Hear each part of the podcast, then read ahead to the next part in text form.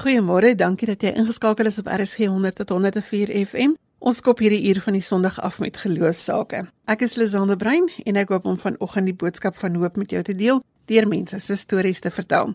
Vanoggend gesels ons met Dr. Duiveljoen oor die haan wat kraai in die Bybel. Donie EJ en Sanay Leach is gemeenskapswerkers in Indië en ons hoor wat hulle daar doen. En Donie Wynand Breitenberg en pastoor Enrique Hermanus kom gesels met ons oor gemeenskapsetes Ons gaan die program afsluit met 'n onderhoud met Ian Wessels as 'n huldeblyk. Ian is vroeër die week oorlede. Jy sal ons op Facebook kry waar al die inligting van ons programme gelaai is, maar die hoofbron van inligting is RSG se webwerf by rsg.co.za.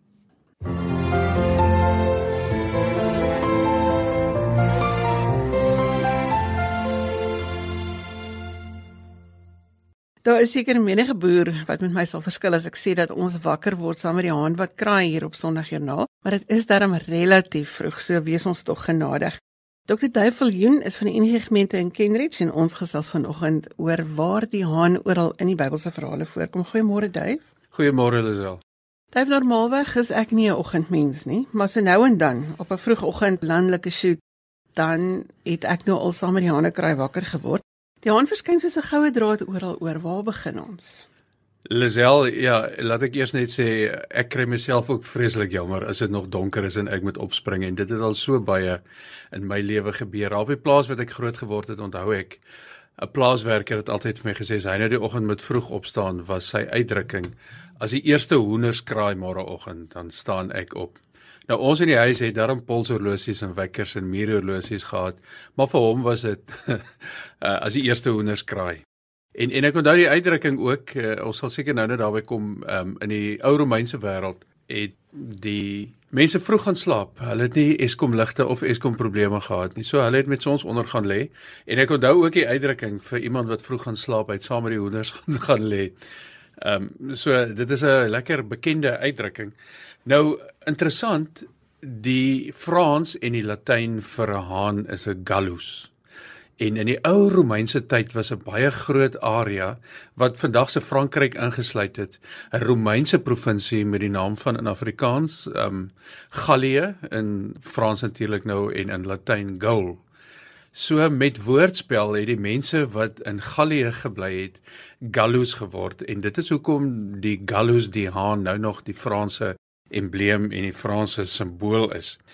Hanekraai in Latyn is Gallicinium, die Gallus. En in Latyn beteken Gallicinium meer as net 'n haan wat kraai. Dit is ook die vroegoggend, donkeroggend hanekraai gebedstyd. In mooi storie in Markus 13 waar Jesus praat oor die eindtyd en oor die wederkoms. Waarskei hy die mense dat hulle waaksaam moet bly want hulle weet nie wanneer die eienaar van die huis met ander woorde uh, Jesus terugkom om sy mense te kom haal nie. En dan gebruik Jesus vier tye wat in die ou Romeinse tyd die vier nagoomblikke was. Dit was natuurlik as dit donker is, saans, middernag, hanekraai, 3 uur 4 uur in die oggend en dan uh, sonsopkoms. Daar staan: Bly dus waaksaam omdat jy nie weet wanneer die huiseienaar kom nie. In die aand of middernag of met hane kraai of die môre vroeg sodat wanneer hy onverwags kom, jy nie in die slaap kry nie. Nou die interessante storie van die haan, net die volgende hoofstuk in Markus 14 waar ons nou al naby die Paasgebeure was, het Jesus vir Petrus gewaarsku dat jy my 3 maal gaan verloon voor die haan kraai In Markus natuurlik sou die haan twee maal kraai en die ander evangelies eenmaal. En toe het die haan gekraai Markus 14 en dan die Johannes weergawe van die Sondagmôre vroeg staan daar. Die ander evangelies laat dit klink na soos vroeg sonsopkoms, maar Johannes sê die Sondagmôre vroeg toe dit nog donker was, het Maria Magdalena by die graf gekom en gesien die klip is weggerol. So die hane kraai die Gallicinium was 'n tyd van die nag baie spesifiek en met verloop van tyd in die geskiedenis van die kerk so vroeg as um, aan die einde van die 2de eeu 170 tot so 235 was daar 'n kerkleier in Rome Hippolytus. En Hippolytus het al gesê daar moet sewe daaglikse gebedstye wees. En al sewe was die tye 3 deur die dag so min of meer 9 uur en 12 uur 1 uur en 3 uur 4 uur. En dan het ons gegaan na saans na die vier nagtye. En ou Hippolytus het gesê as die haan kraai met ander woorde 3 uur 4 uur in die oggend staan op en gaan bid want dit was die tyd toe die kerk die Here Jesus verloon het. So vir hom was dit maak reg wat die kerk verbrou het en bid daai tyd van die oggend. Nou in die Romeinse tyd ehm um, het die mense vroeg gaan slaap. Daar's 'n Duitse leraar, hy skryf nogal hier oor hy's nou so in die 1955s oorlede, Albrecht Oepke. En hy sê op 'n baie treffende manier dat die ou Romeine, so ook die Jode, so ook die Grieke, het baie vroeg gaan slaap want daar was nie ligte nie. Hulle het sonsonder gaan slaap. As dit donker word, was hulle in die bed. En dit het beteken dat hulle baie vroeg wakker geword het. Met ander woorde 3 uur 4 uur met hane kraai het hulle al wakker geword. En die tyd van 3 4 uur af het hulle gebedstyd gemaak want het hulle gesê twee goed dit was die tyd vir die lukubrei 'n lukubrum is 'n lamp. Dit is die tyd wat die lampe aangesteek is en stadig begin lig maak is en seker hout in die in die stowe en die vuurplekke gesit het sodat lewe begin. En dit was ook die tyd wat 'n mens intellektueel die wakkerste is van die hele dag. So dit was vir hulle 'n tyd van meditasie en dan het hulle um stil geword. Die ander een die middernagtyd het die ou kerk ook gesê is 'n baie belangrike gebedswaak want het hulle gesê van middernag tot hanekraai is die tyd wat die sonde en die bose die aktiefste in jou lewe is. So daar was 'n spesifieke nagwaak van middernag af. Dan was daar hanekraai en die hanekraai in die oorspronklike van die liturgiese kerke is 'n baie lang gebedsliturgie want jy moet baie stil word, baie loof, baie aanbid, baie voorbid baie lees. Dit was 'n goeie 3 ure tot sonsopkoms wat dan die volgende gebedstyd was. Daardie indeling van 'n gebedsuur voel vir my asof dit dan sy oorsprong daar het van die lofprysing en alles wat jy kan doen om in 'n uur in te pas wat nie noodwendig net jou gesprek met die Here is nie. As jy na die liturgie kyk, dis 'n voltyd want sy naam is nou Galicinium is 'n sambreel term vir die gebedstyd. Maar spesifiek dan noem hulle vandag die Hanekraai gebedstyd Matins wat die geluid is en die oggendgesang van voeltjies is. En dan met sonsopkoms as die son deurbreek, noem hulle dit lords um hard luid loud wat jy dan vir die Here sê dankie dat die dag gebreek het soos wat hy opgestaan het uit die dood. Is ek reg as ek sê dat die fokus op wanneer wanneer ons praat oor die die die verraad wat gebeur het saam met die hane kraai, dit voel vir my asof jy nou twee fokusse is dat gebed moet instaan vir dit wat in die donker gebeur. Is ek besig met 'n regte opsomming? Jy is doodreg, Lisel. En wat Hippolytus gesê het lank terug is presies wat jy nou vra. Die kerk het Jesus Christus verloon. Maar Jesus het uit die dood opgestaan, sy verhouding met Petrus herstel. Vir Petrus 3 keer gevra, Petrus, het jy my regtig lief? En elke keer vir Petrus gesê, "Mag gaan versorg my kerk." Ek het nie iemand nodig wat my verloon nie. Ek het iemand nodig wat my en mense liefhet. So gaan versorg. En die idee is ons is nou aan die hierdie kant van die kruis. So kom ons doen dit reg. Kom ons doen dit met liefde vir Jesus en liefde vir die kerk. En kom ons spring op en ons bid want dit was daai tyd en ons moet nou die teendeel van daai tyd die nag van Petrus um vir die wêreld wys in ons gebedstyd. Dis al die interessante is Galicinium Hanekraai in ou Rome in die tyd van Jesus Christus was nie net die woord vir 'n haan wat kraai nie, 'n fisiese hoender haan nie. Dit was ook 'n beeld wat geblaas is. 3 uur 4 uur in die oggende het die Romeinse soldate die wagte gewissel. En met die wisseling van die wagte 3 4 uur in die oggend met hanekraai het die basuin geblaas en die beeld se naam was hanekraai. Die woord die Griekse woord vir haan is 'n alektor Ehm um, so die woord wat Lukas opgeskryf het vir hanekraai wat Jesus sou gesê het is die elektrofonia, die geluid van die haan. So iemand soos John Birch, die Bybelgeleerde sê daar's 'n baie goeie moontlikheid dat toe Petrus vir Jesus verloon het, daar nie 'n haan gekraai het nie, maar die beul geblaas het om die wagte te wissel. En dit het gebedstyd geword. So kom ons wissel van gebedswagte en ons gee vir mekaar beurte en ons bid vir mekaar en ons staan wag in daardie tyd, daai vroeë oggenduur tussen 3 en 4. Duif net om jou af te sluit, waarvoor is jy dankbaar?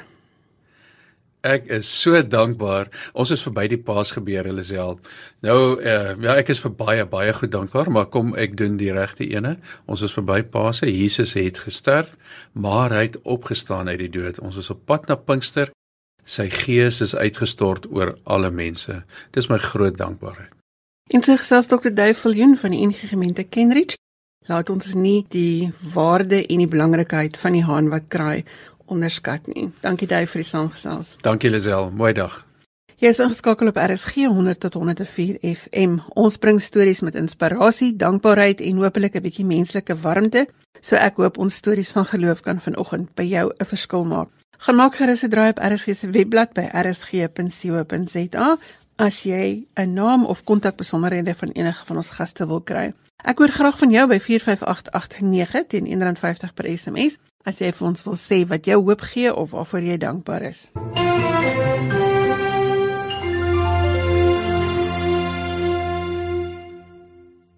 In die hartjie van Kolkata woon 'n Afrikaanssprekende dominee, EJ Lesh, en sy vrou, Sanay. Ek het by hulle gaan aanklop om te hoor wat hulle daar doen. EJ, jy het teologie op Tuks geswat. Het jy nog altyd geweet dat jy 'n dominee wil word? Lisel nee, ek het eers Bekom Rek geswat toe die Here my geroep het om 'n dominee te word by Universiteitswoord se eerstejaarskamp. Ek was mos so bietjie soos Jona en het aanvanklik eers weggehardloop van my roeping af, maar in die Julie vakansie het ek eers weer regtig daaroor gedink ons het 'n familievakansie gehad in Namibië en al die stilte en die en die woestyn het my laat dink daaroor en ek het uiteindelik die moed gehad om my ouers te vertel. My pa is geoktreerde rekenmeester en hulle het vir my gesê wel as die Here jou roep EJ dan moet jy um, gehoorsaam wees aan 'n roeping. Ek het tot die einde van daai jaar gebruik om seker te maak deur met um, dominees te praat en by dosente by die fakulteit en toe het ek my rigting verander aan die einde van my eerste jaar en die res soos hulle sê is geskiedenis. Die Here het al die deure oopgemaak en telkens vir my bevestig dat dit die pad is vir my. Wat het julle besluit om in Indië te woon beïnvloed? Lisel, ek en EJ was albei baie bevoorreg om van vroeg in ons lewe af baie goeie mentore te gehad het wat ons geïnspireer het om um Jesus se hande en voete te probeer wees. ons is nie altyd baie goed daarin nie, maar om natuurlik altyd te probeer om regtig die Here se liefde te versprei en te gee en te dra wherever ons gaan. So ons het ook later in ons lewe altyd by intentional living gemeenskappe gebly. Ek was lank by Echo Jeugontwikkeling en EJ was by 'n organisasie met die naam Intentional Living waar ons regtig geleer het dat community so powerful is en dat die liefde van die Here mense se harte en lewens radikaal verander. So toe het ons besluit dit is wat ons vir die res van ons lewe wil doen. Maak nie saak wat dit is wat ons doen of waar die Here ons stuur nie. Ons wil mense wees wat altyd sy liefde uitleef of at least probeer uitleef. En so het ons altyd in 'n nuwe seisoen gekom toe ons net klaar getrou het, het ons vir die Here gevra, Here, wat volgende? Wat wil U hê moet ons doen? Ons wil U net radikaal dien. Dit is wat ons hartsbegeerte is.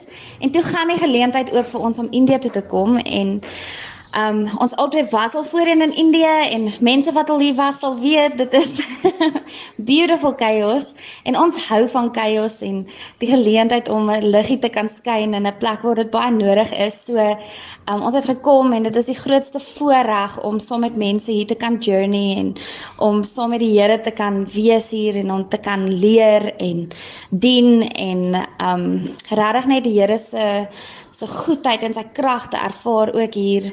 Dit is 'n baie groot voorreg. Ons is glad nooit spyt nie al is dit nie altyd maklik nie. Ehm um, is dit so wonderlike leerskool vir ons. So hoe werk dit? Hoe hou mens kerk in Kolkata? Lisel, hier in ons gemeenskap hou ons kerk rondom 'n tafel in 'n huis. En dit is verfrissend anders as die NG Kerk waarin ek groot geword het, maar dit klink baie meer soos die vroeë kerk. Die ding van 'n tafel is almal het 'n plek by 'n tafel. Almal het 'n sê by 'n tafel. En ons eh, erediens is baie meer 'n dialoog waar jy vrae kan vra en opmerkings maak as die eenrigting verkeer van 'n predikant op 'n preekstoel. Ons het verskillende tipe mense rondom ons tafel en almal het 'n plek by die tafel waar hulle kan kom soos hulle is. Of hulle nou vir Jesus al lank volg en al lank Christene is of hulle nog soekend is en nie eens eintlik eens in God glo nie. Hulle almal het 'n plek waar hulle kan hulle vra vra. Natuurlik berei ek tog 'n preek voor, maar daar is plek vir opmerkings en vir vrae. Die ander ding van 'n tafel is dis 'n plek waar mense kan tuis voel, waar jy kan gasvryheid beleef. En uh, ons samesyn rondom die tafel is ook vir ons baie belangrik. Dit was vir my so opmerklik um, na die opstanding dat mense vir Jesus herken waar hy brood breek of vis eet saam met die disippels. En uh, ons herken vir Jesus aan die nagmaaltafel waar hy brood breek. Jesus was nie die CEO wat aan die aan die kop van die tafel um sit en gewag om bedien te word nie, maar Jesus is 'n dienende knegg wat uh, vir mense vra wat is hulle behoeftes. En ons voel dat hierdie gasvryheid en hierdie saam sit aan 'n tafel vir ons so kosbaar is en waar mense regtig groei in in in God se liefde, maar ook in hulle liefde vir mekaar. Sanna, jy's 'n maatskaplike werker, so wat se werk doen jy?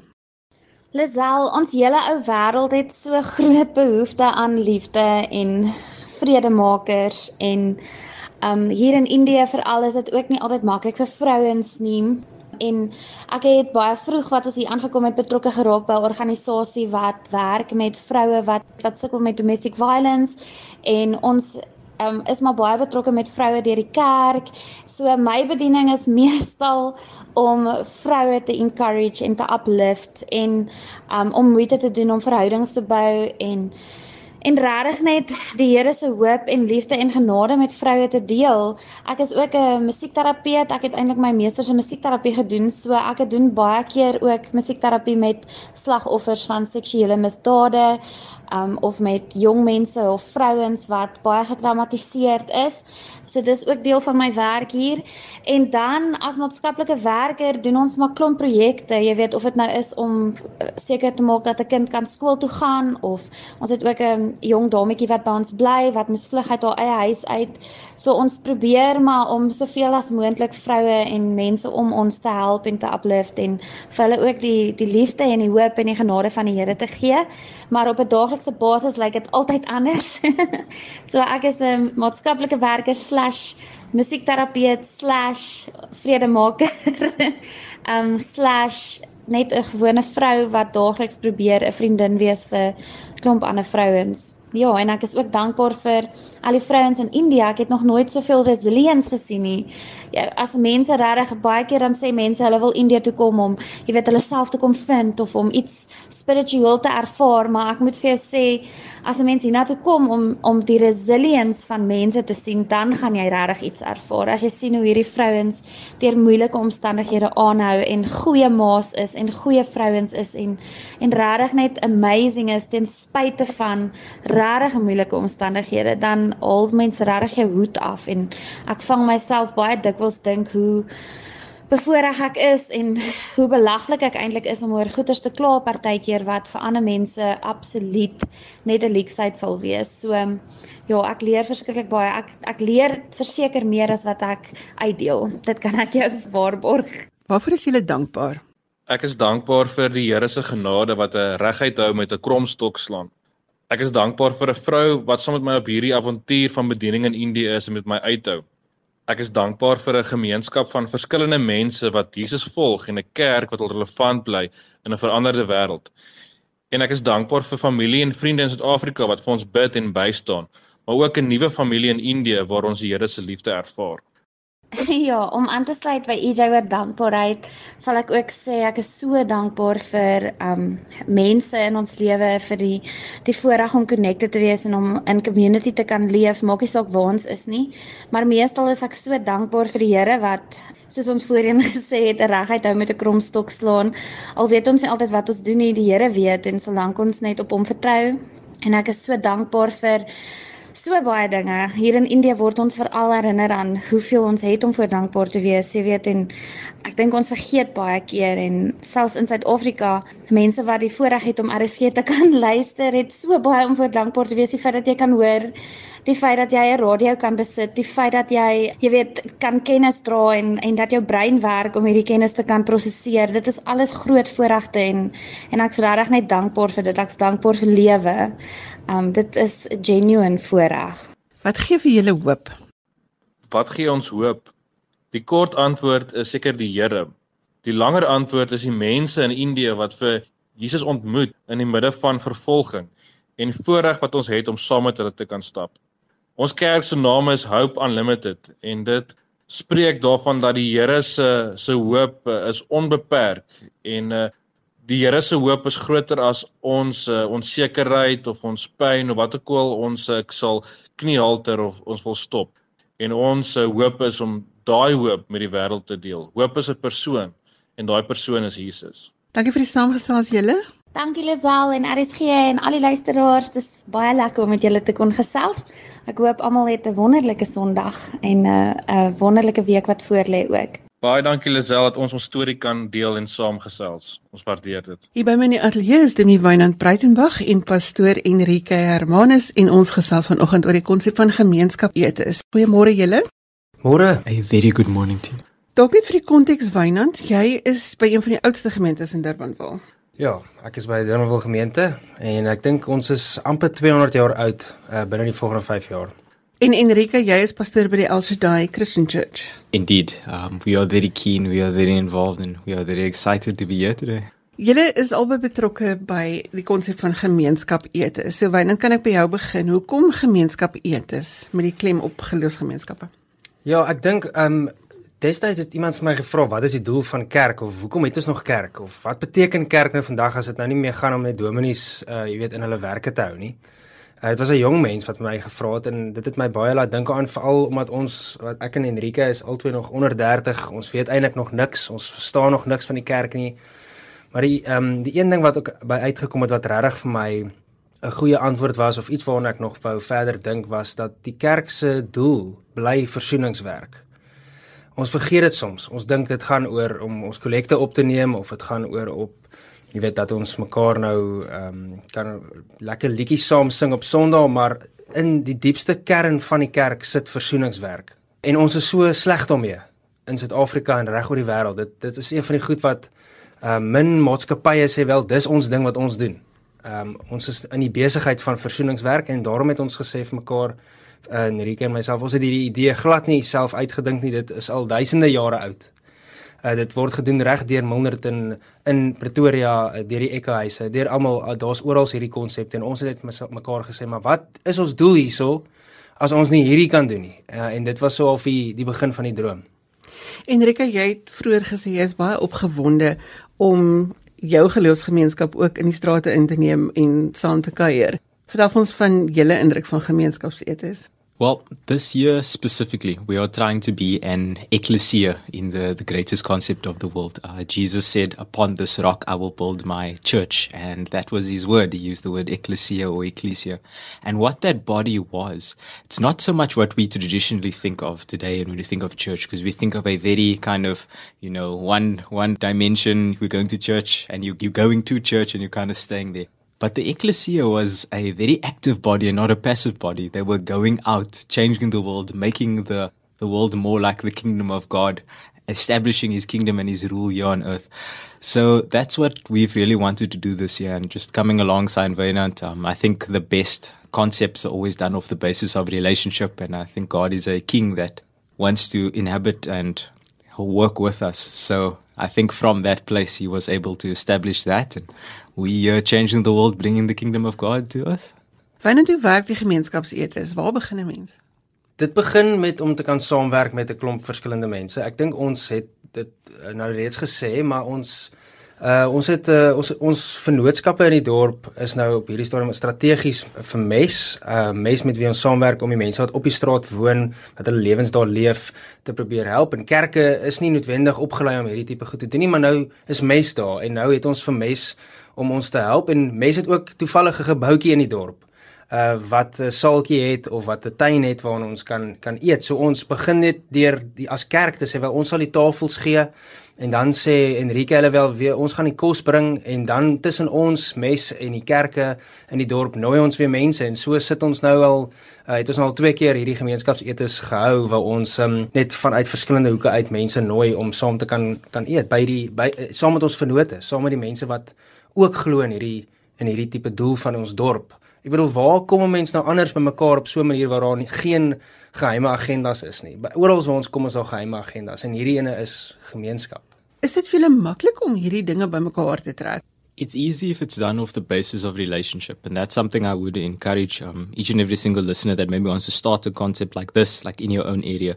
Look to the people who God has already put in your life. Look to the people that represent said institutions that are already your friends, your relatives, or your your colleagues in some sort of aspect. God wants to do something with relationships around you, and all of this was formed off relationships that we had built over the past few years. And so it's easy once you work off relationships, but when you try and force something, when you try and go bigger than when you want to, um, I mean, we I think we were very wise in the fact that we started with the numbers that we did start with, although we could have pulled a whole bunch of more people. Yeah, I don't put it past us, uh, but just know know where you are at, and God will meet you there, and God will take you to where you ought to be. Fynand as COVID ons nou een ding geleer het, voel dit vir my is dat die kerk nie net in 'n gebou bymekaar is nie, dit is iets anders. Wat het COVID vir jou geleer in hierdie hele proses van gemeente wees? Ja, ek dink kerke reg deur die land sal ehm um, verskillende antwoorde kan gee, maar mooi antwoorde, goeie antwoorde. Ek dink dit is een ding wat ons beleef het toe ons nou begin bymekaar in inkyk en incheck uh, deur die sinode streke, het ons agtergekom dat dit 'n positiewe effek op die kerk, uh die hierdie pandemie. Ons dink anders oor kerk Een ding wat ons wat ons regtig gesien het gebeur het is dat grense weggeval het. Dat ons makliker oor grense kan beweeg, dat ons makliker saam met mense kan werk. Om die waarheid te sê, kan ons dit nie meer alleen doen nie. Die die die probleme is nou net so onder die vergrootglas en so diep in ons um in ons gesigte dat ons dit nie meer kan alleen doen nie. En ek dink dit is wat ons hier in Durban wil ook gesien het as ek moet begin 'n lys maak van die hoeveelheid organisasies en en kerke wat saamgewerk het, dan gaan ons heeldag hierso sit van net wat ons gedoen het hier ons het um, in Durbanville gemeente en saam met Elsedaai en die Spar en die wat ook al, hier was 'n klomp van hierdie uh, uh organisasies wat saamgewerk het om om te help in hierdie tyd. So ek dink ehm um, ja, ek dink dit dit dit behoort ook ons ons werk te wees as kerk as is om oor grense te kan gaan. Enrique, wat was julle ervaring in die COVID tyd vir jou spesifieke gemeente? I think we were able to see that people are deeply, deeply, deeply in need of the grace of God. I was able to experience that through my own suffering and just seeing the suffering of, of others um, in our in our community. And people are so receptive to you offering up a helping hand when you meet them where they are at, when you're prepared to journey with them and offer them a new beginning. People are really open to that concept. So I am very much a believer in the point where God says, you know, it's it's His goodness, it's His kindness that leads people to repentance. So when we start with that, when we start by handing out a, a hand, helpful hand to people, people are really receptive of that, and people don't often chase you away when you are operating um, off a, in a gracious kind of way. So start with grace. That's what it taught me. As ek nou moet vra oor die dinge waarvoor jy dankbaar is wat jy in hierdie tyd geleer het, Wynand? Ja, ek Ek wonder Lisel of ons nie 'n bietjie onsself 'n bietjie kon verloor het nie. Terselfdertyd het ons mekaar mos maar eintlik maar gevind. Ek dink baie van die mense het heimwee oor daai goeie 3, 4 weke wat ons in 'n uh, totale grendeltyd was en weggeslote van die wêreld af. Dit was vir baie mense baie wonderlik. Ekstroverte, introverte, dit maak nie saak nie. Maar in dit het ons onsself dalk 'n bietjie gevind, maar ons kon ook 'n bietjie vir onsself wegstoot. Ek dink ek dink dit is die ding wat my uh, opgewonde maak oor oor hierdie tyd is dat ek uh, persoonlik net kon leer om te sê maar dit gaan regtig nie hier oor 'n denominasie nie, dit gaan regtig nie hier oor 'n naam nie, dit gaan regtig hierso oor om saam te kan werk en um om soms 'n bietjie myself um regtig vir uh, nie voor in die ry te sit nie om om te kan saamwerk. Ek dink dit is vir ons moeilik. Ek dink ons as kerk sukkel daarmee want ons uh, voel soms ons is in 'n kompetisie met mekaar of ons voel soms ons is jy weet ons ons moet nou op 'n manier kan kan floreer, maar ehm um, maar dit het my regtig geleer dat ek kan dankbaar wees daarvoor dat ons in hierdie tyd lesse geleer het van terugstaan en tweede staan. Dankbaar vir 'n gemeenskap wat nou weer om 'n tafel kan sit en saam kan eet en ervarings met mekaar kan deel. Ja, ons sien dit ook by die eetes natuurlik. Uh dit is dit is wat ons ook sien. Mense is honger vir geselskap en honger vir mekaar en en en uh, alhoewel hulle ook fisies honger is, het, is hulle meer honger vir ons menslikheid om ons menslikheid te kan deel met mekaar. Jy het nog gesê 'n paar weke van grendeltyd. Ek dink jy het 'n paar maande van jou lewe verloor daar. Wynand, vir ons is nog steeds daar. Enrique, vir jou, waarvoor is jy persoonlik dankbaar in die lewe? I'm thankful uh, to a God that's faithful, to a God that's consistent in his character, a God that has proven over the ages that he is the God of the suffering. He's the God of the orphan, the widow, the foreigner, and the poor. In fact, that's how he chooses to identify himself to us in the Old Testament. And he has never stopped being that God. And I was able to see that particularly during the COVID 19 pandemic, that if you personally are in a deep, dark situation, He will meet you there. To everyone listening today, He's going to meet you in your deep, dark situation. He's prepared to journey with you, and He will give you a new beginning. He's consistent in His character, and He's a God that is faithful. And that's what I'm thankful for. Ons gedagte vir die dag gaan daaroor dat jy vandag of iets gaan oorwin of dat jy iets gaan leer en ek dink dit sluit lekker aan by jou boodskap Enrique. Baie dankie julle vir die saamgesels vanoggend. Dankie vir julle. Thank you to you guys. Om ons dankbaarheid lewendig te hou, moet ons onsself voortdurend herinner aan alles wat ons voor dankbaar kan wees. Dankbaarheid is nie net 'n emosie nie, dit moet ook oorgaan tot aksie. Stuur vir ons daai SMS om te sê waarvoor jy dankbaar is of deel dit met iemand in jou huis vanoggend, maar sê vir iemand waarvoor jy dankbaar is.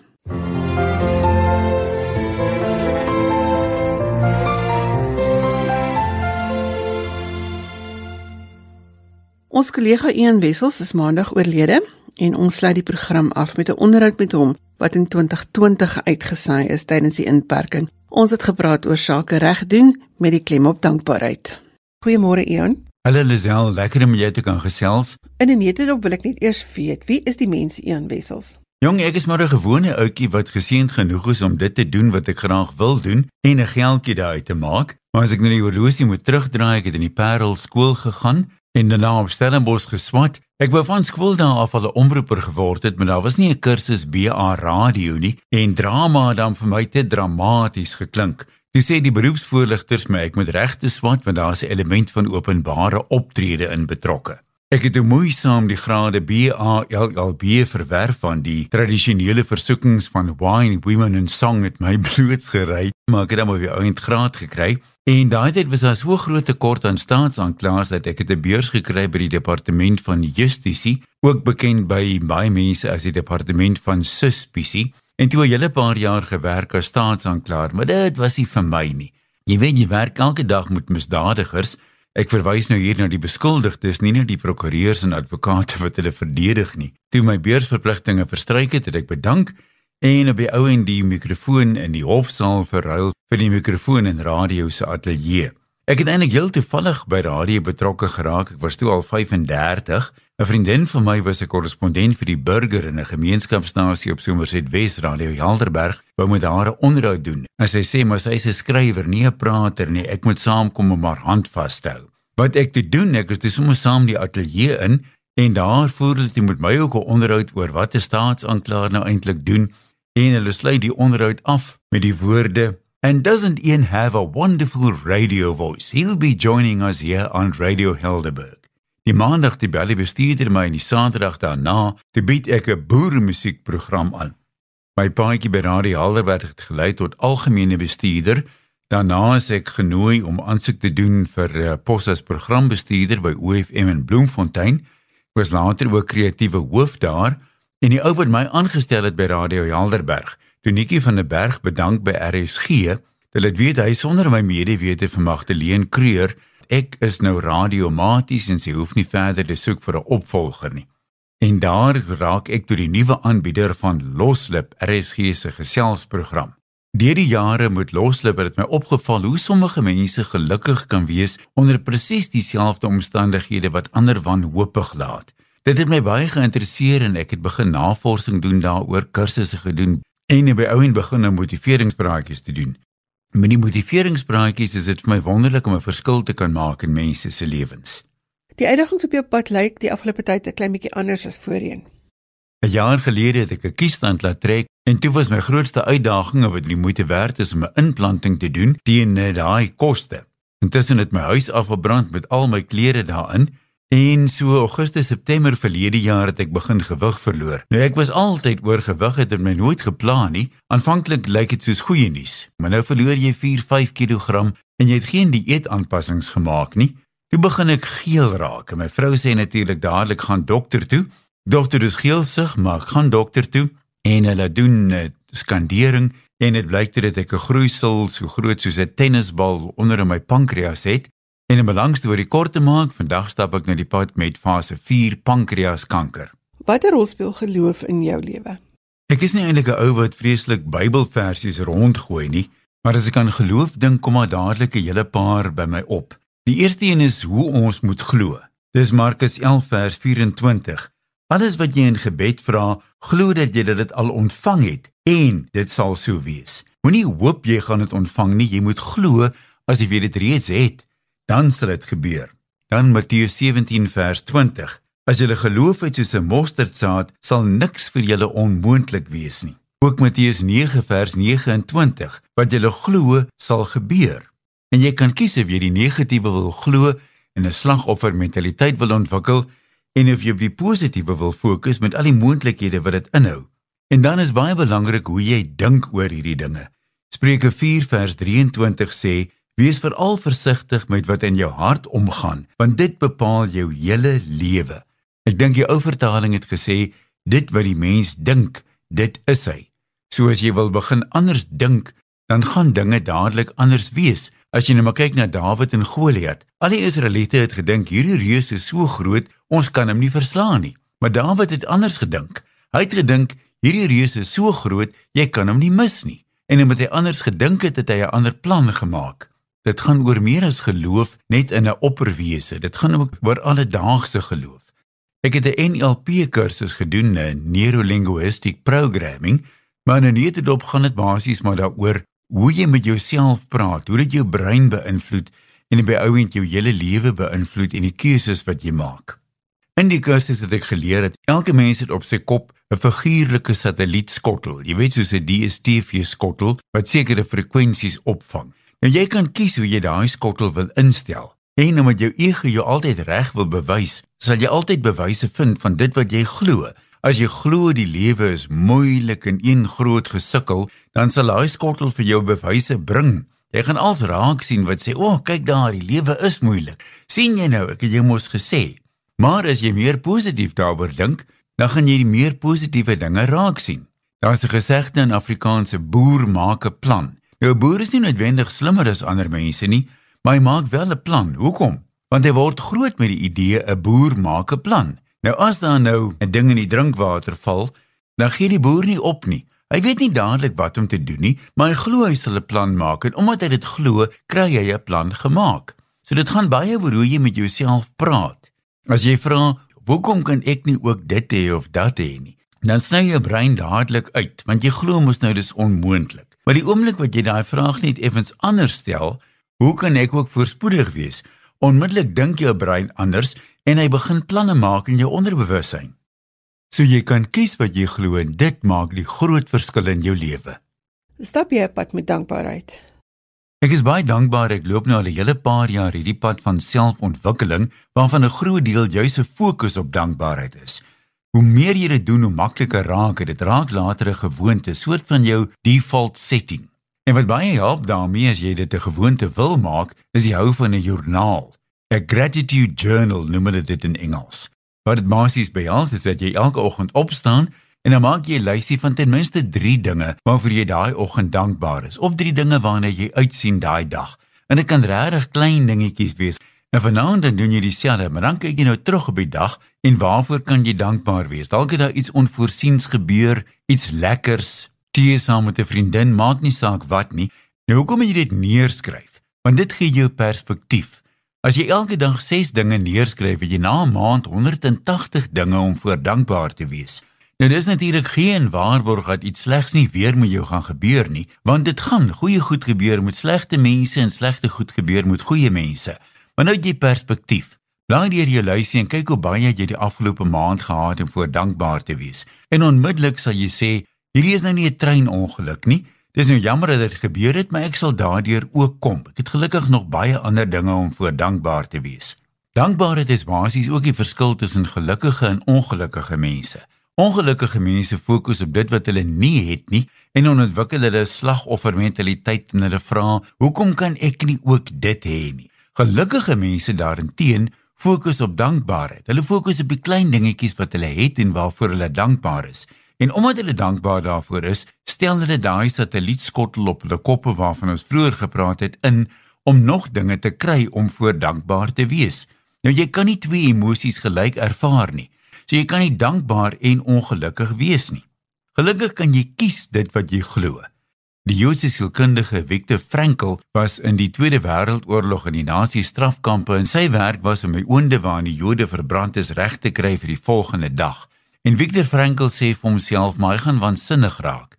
En hy kom tot die gevolgtrekking dat die nasies alles kan beheer. Maar daar's een ding waaroor net hy beheer het, en dit is sy gedagtes. Hy kan kies wat hy dink ongeag sy eksterne omstandighede. Ons kan nie kies wat met ons gebeur nie, maar ons kan altyd kies hoe ons daarop reageer. En dis wat die groot verskil in jou lewe maak. En met die jare wat vir my oorbly, besef ek opnuut elke dag hoeveel ek het om voor dankbaar te wees. Maak die meeste van vandag. Gister is verby, dit bestaan nie meer nie. Môre kom nog, dit help nie eens daaroor bekommerd nie. En as môre aanbreek, noem jy dit vandag. So as jy kies om die meeste te maak van elke dag, dankbaar te wees vir die klein seëninge wat elke dag bring, dan gaan môre outomaties die beste dag wees wat dit ooit kan wees. En dis my boodskap vir vandag. As jy dankbaarheid 'n gewoonte maak, dan raak geluk outomaties ook 'n gewoonte en al die ander moontlikhede wat daarmee saamkom. Ek wil met die tyd wat ek oor het nog 'n groot verskil maak in soveel as moontlik mense se lewens. En al kan ek net een of twee help, sal ek steeds dankbaar wees daarvoor. Ian het 'n verskil in mense se lewe gemaak en met hierdie onderhoud het hy elke Sondag se Sondagjoernaal eintlik in 'n netedop saamgevat. Leef in dankbaarheid. En daarmee is dit ook tyd vir ons om ons stories op te pak. Ek sê dankie aan my gaste, Dr. Duif Viljoen wat gesels het oor die haan en waar hy oral 'n rol speel in die Bybel. Demi EJ en Sanay Leach het vertel van hulle werk in Indië en Doni Wynand Breitenberg en pastoor Enrique Hermanus het gesels oor 'n gemeenskap wat saamwerk. Sondagjoernaal is as 'n potgooi beskikbaar. Jy kry dit op RSG se webwerf en die adres daar is rsg.co.za. Tot volgende week groet ek met die herinnering dat jy in beheer moet wees van jou gedagtes, want dit bepaal hoe jou dag gaan lyk. Tot volgende Sondag van my en Neil. Totsiens.